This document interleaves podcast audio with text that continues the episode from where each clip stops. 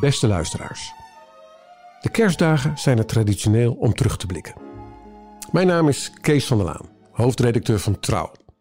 En middels deze driedelige podcast nodig ik u uit om samen met ons terug te blikken op drie journalistieke parels, hoogtepunten, zo u wilt, van het afgelopen jaar. Er was te veel om op te noemen, dat moet ik eerlijk zeggen. Het was moeilijk om een keuze te maken. Toch hebben we de meest ontroerende menselijke verhalen voor u uitgekozen. Ingesproken door Rianne Oosterom. Een verhaal over verborgen verdriet, een leven lang. Op haar 22e staat Trudy Gertsen haar pasgeboren zoon af. Dat was in de jaren 60.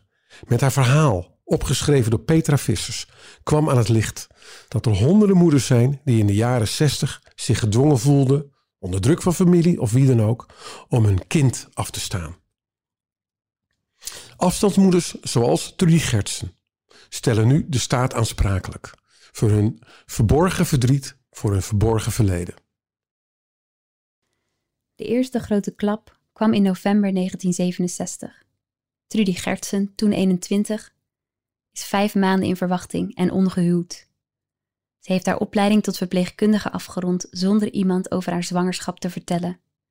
Hadden de nonnen bij wie de vrouwen tijdens de verpleegstersopleiding inwonen het geweten, dan had ze er onmiddellijk uitgelegen. Daar twijfelt ze geen moment aan. Nu is ze terug bij haar ouders, in de volle verwachting dat ze daar kan bevallen van haar kind. Daarna zal ze een baan zoeken en een huis waar ze haar zoon zal opvoeden. Haar vriend, de vader van de baby, blijkt al een ander meisje te hebben. Het zij zo, denkt ze, dan doe ik het alleen. Maar in plaats daarvan neemt haar moeder haar mee naar buiten, uit wandelen, en vertelt haar dat ze het kind moet afstaan. Trudy is niet welkom in haar ouderlijk huis.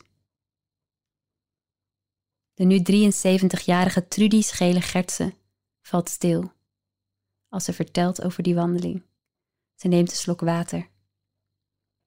En thuis was best een groot huis, maar het kon niet. Het was onmogelijk. Ik heb iets voor je geregeld, zei haar moeder op die herfstdag meer dan 50 jaar geleden. Ze stuurde haar dochter naar de Paula Stichting in Oosterbeek, naar een tehuis voor ongehuwde moeders. Ik had nooit verwacht dat dit mij zou overkomen, blikt schele Gertsen terug.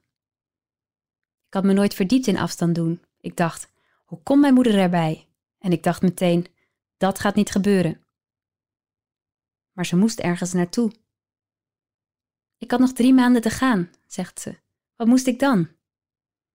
Een ongehuwd zwangere vrouw zou nergens worden aangenomen, laat staan een woning kunnen huren. Trudy kwam terecht in een van de vele huizen voor ongehuwde moeders die in Nederland te vinden waren. Het tehuis van de Paula Stichting lag op een ruim terrein aan de rand van het bos in Oosterbeek. Ultramodern, jubelde het Leids Dagblad in de zomer van 1967, met in pasteltinten gelakte bedjes en fleurige kamertjes, en gerund door de kleine zusters van de heilige Jozef. Trudy, 22, heeft het er in die drie maanden dat ze er woont niet naar haar zin. Daar zat ik dan, zegt ze. Ze herinnert zich dat de meeste andere vrouwen net als zij op hun kamer bleven. Dat ze de stichting niet vertrouwden en dat de nonnen onaardig waren. Haar baby wilde ze houden. Daar was ik heel duidelijk in, zegt ze stellig. Dat is ook te lezen in het dossier dat ze heeft opgevraagd over haar tijd in het tehuis. Is van plan het kind te behouden, schrijven de nonnen in januari 1968 aan de Raad voor de Kinderbescherming. Het liep anders.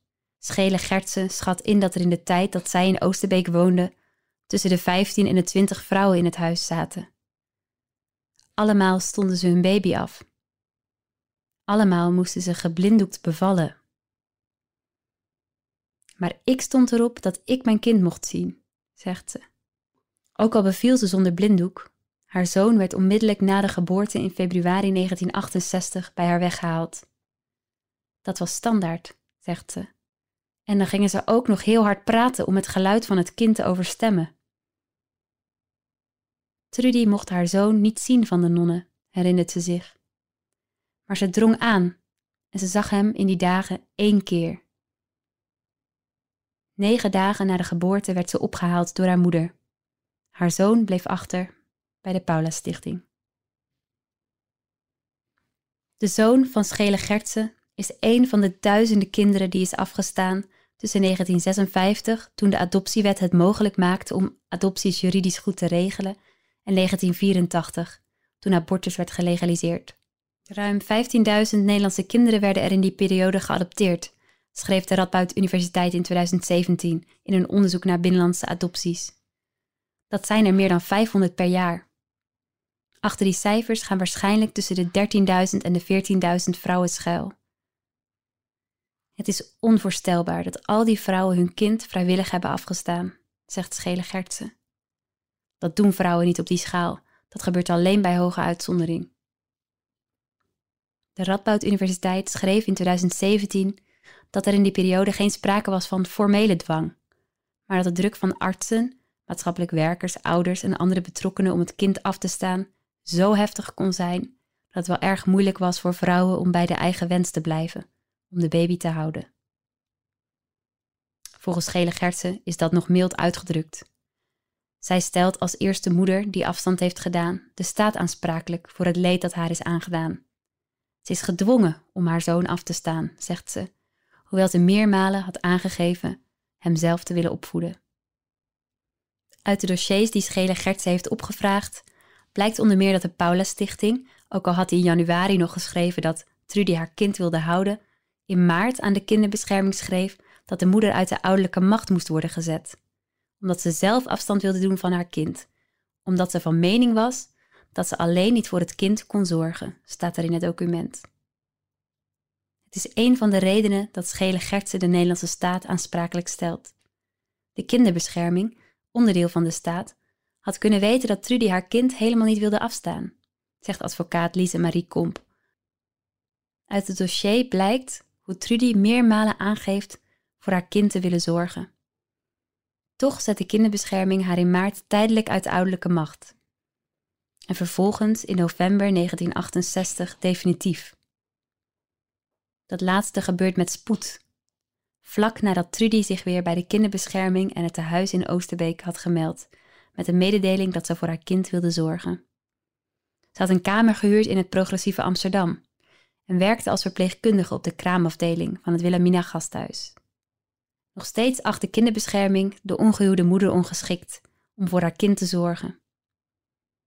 Die beslissing wordt genomen zonder Trudy te horen, die dan meerderjarig is, zegt advocaat Komp. Het steekt Schele Gertsen dat er in het dossier dingen staan die niet kloppen. Zo had ze wel contact met de vader van haar kind. Kende haar ouders de man in kwestie wel. En had zij niet, zoals de kinderbescherming zei, ontslag genomen bij het ziekenhuis waar ze haar opleiding tot verpleegkundige volgde. Haar contract liep af, omdat haar opleiding was afgerond. Nooit is mij gevraagd of het allemaal wel klopte. Ze neemt het de staat verder kwalijk dat haar nooit verteld is dat ze recht had op een bijstandsuitkering of op geld van de vader van haar kind. Maar het belangrijkste argument van advocaat Komp is dat er ook in de jaren 60 al in de Nederlandse wet en in het Verdrag voor de Rechten van de Mens is opgenomen dat de band tussen moeder en kind in principe heilig is. Alleen bij hoge uitzondering mogen kinderen worden weggehaald bij hun moeder. En nou helemaal als dat meteen na de geboorte gebeurt. De zorg had erop gericht moeten zijn moeder en kind bij elkaar te houden. Tot in de jaren 50 was de zorg voor ongehuwde moeders daar ook op ingesteld.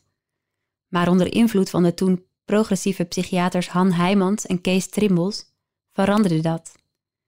In 1953 schrijft Trimbos in de brochure Zorg en Kinderen voor het eerst dat het voor ongehuwde moeders beter is om afstand te doen van hun kind. Niet alleen voor psychisch gestoorde ongehuwde moeders, maar ook voor die gevallen welke sociaal en pedagogisch onvoldoende mogelijkheden hebben om de belangen van hun kind te kunnen behartigen. Daarna slaat de stemming snel om. In 1961 noemt de Hendrik Pierson Vereniging, met de Huizen voor Ongehuwde Protestantse Moeders en Kinderen, het bij elkaar houden van moeder en kind een uiterst gevaarlijke en hachelijke zaak.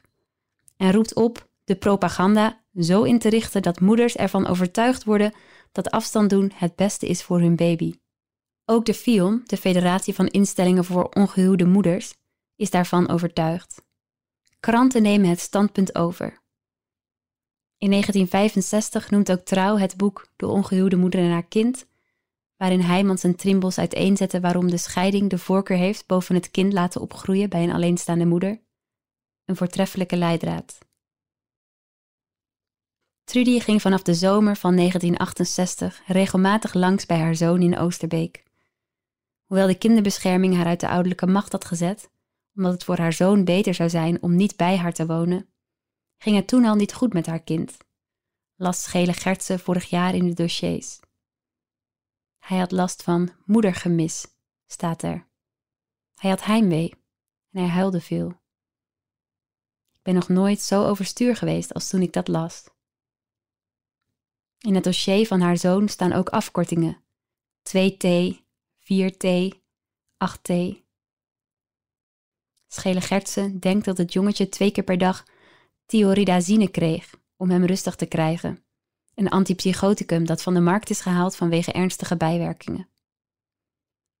Uiteindelijk gaf Schele Gertsen toestemming voor adoptie, om te voorkomen dat haar zoon in een tehuis zou opgroeien. Pas als hij twee jaar en acht maanden oud is, komt het jongetje in een gezin terecht. Vanaf dat moment mag zijn biologische moeder hem niet meer zien. Ze weet niet waar hij heen gaat. Nog een trauma, zegt Schele Gertsen. Het zal 48 jaar duren voor ze elkaar opnieuw zien. De publieke opinie slaat in die periode nogmaals om. Alleenstaande moeders hoeven zich ineens niet meer te schamen. De anticonceptiepil komt op de markt en de seksuele moraal verandert. Het wordt onvoorstelbaar dat moeders hun kinderen afstaan.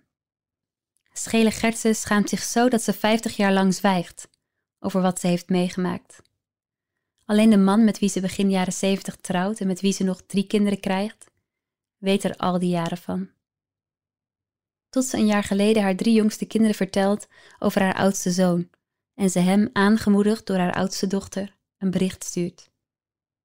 Het contact is er, maar helemaal vanzelfsprekend wordt het nooit meer. De schaamte was groot en nog steeds lijkt ze verbijsterd over wat haar is overkomen.